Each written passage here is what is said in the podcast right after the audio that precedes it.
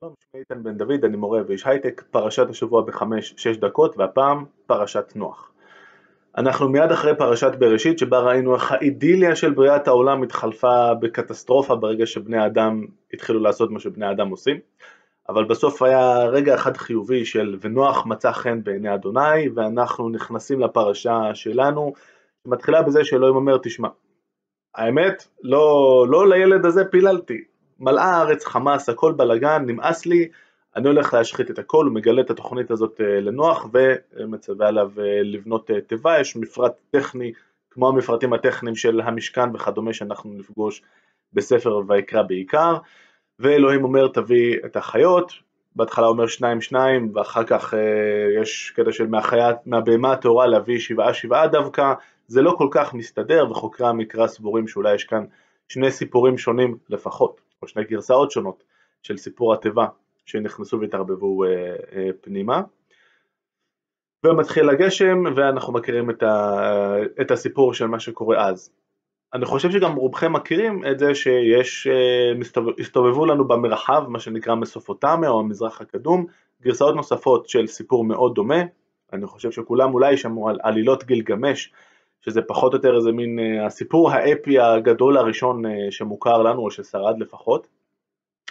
אה, ושם הגיבור הוא גילגמש, הוא איזשהו גיבור חזק שקצת מזכיר את שמשון הגיבור בכל מיני אלמנטים, ואחרי שהחבר הטוב שלו אין קידום מת, הוא הולך ומחפש את הסוד לחיי הנצח, והוא פוגש את אוטן פשטים, כמובן, שמספר לו ש... אה, הוא בזמנו, האלים אמרו אליו, אמרו לו לבנות אה, תיבה והיה את כל המבול וכולי, אוטן פשטים זכה לחיי נצח והוא מגלה לגילגמש את הסוד, המעוניינים יפנו לשם. לא רבים יודעים אבל שיש עוד גרסאות שמסתובבות, יש אה,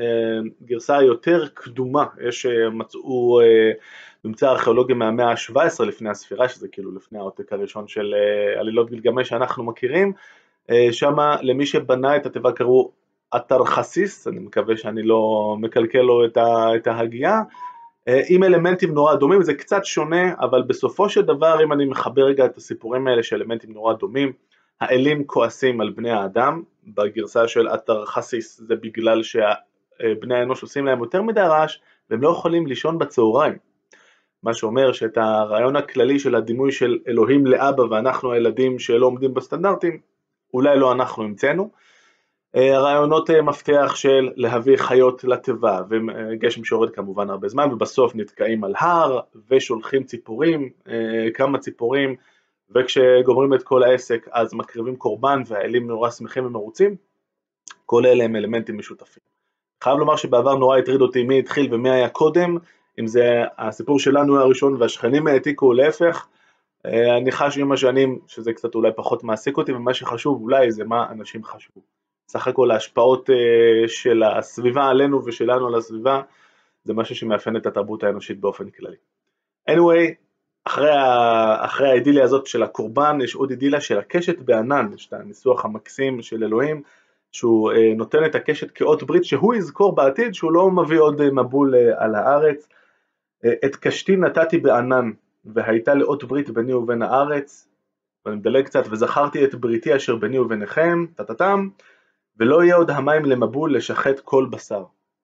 וגם האידיליה הזאת, כמו שתמיד קורה בספר בראשית ובאנושות בכלל, מתרסקת עוד רגע אחרי שאחד הבנים אה, של אה, נוח עושה משהו שהוא לא כל כך מובן,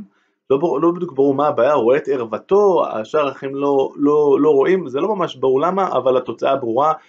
אלוהים, אה, סליחה, נוח מתעורר, הוא יודע מה עשה לו אה, הבן שלו ומקלל אותו, ומקלל את אחד הבנים שלו, כנען עבד עבדים יהיה לאחיו, זאת היינו מצפים שהוא יקלל אותו, את חם, את הבן שלו, אבל הוא מקלל את הנכד בעצם,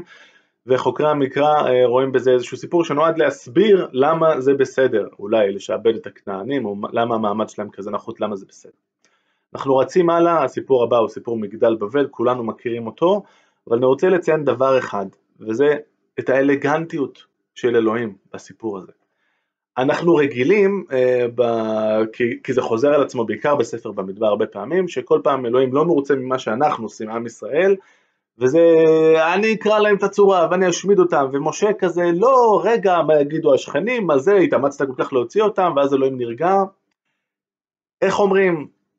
הלוואי שהאלוהים הזה היה קורא קצת יותר את מה ש... או נזכר קצת יותר במה שהוא עשה פעם, כי פה העונש הוא נורא אלגנטי. הרי הוא יכול היה להביא איזה רעידת אדמה שתפיל את כל המגדל הזה, כמו שהוא עשה אחר כך לסדום ועמורה אגב, הוא יכול להביא איזה טורנדו, אבל במקום זה הוא נותן טאץ' קטן שעושה את כל הסיפור, הוא מבלבל להם את השפות. והאלגנטיות של הטיפול של אלוהים כאן במשבר, זו אלגנטיות שהייתי מאוד אה, מקווה שהייתה חוזרת על עצמה בעוד אה, כמה מקומות במקרא, ולצערי זה לא קורה הרבה. עוד הערה קטנה, ההסבר האטימולוגי, הבלשני לשם של אה, בבל, הוא כאן, ששם אלוהים בלל את השפות, אנחנו יודעים לומר שהשם של בבל בשפה שלהם היה בב אילולו, בב כמו שאנחנו יודעים מערבית זה שער, ואילולו זה האלים, זה היה שער האלים. אה, ויש משהו מאוד אירוני בזה שדווקא שער האלים אה, זה המקום שבו אלוהים אה, מחליט לעשות את העונש האליגנטי הזה אצלנו.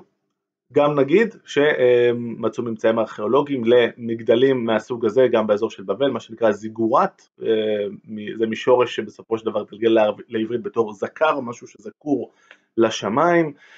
אה, מתוך רעיון של ככל שיותר קרובים לשמיים אז אה, כנראה שאלוהים יותר ישמע את התפילות שלהם. אז גם לסיפור הזה של מגדל בבל יש אה, תימוכין ארכיאולוגיים. אז קצת חומר למחשבה על הפרשה הזאת, לסרטונים נוספים ולתיאום הרצאות אפשר להקליק כאן, שבת שלום.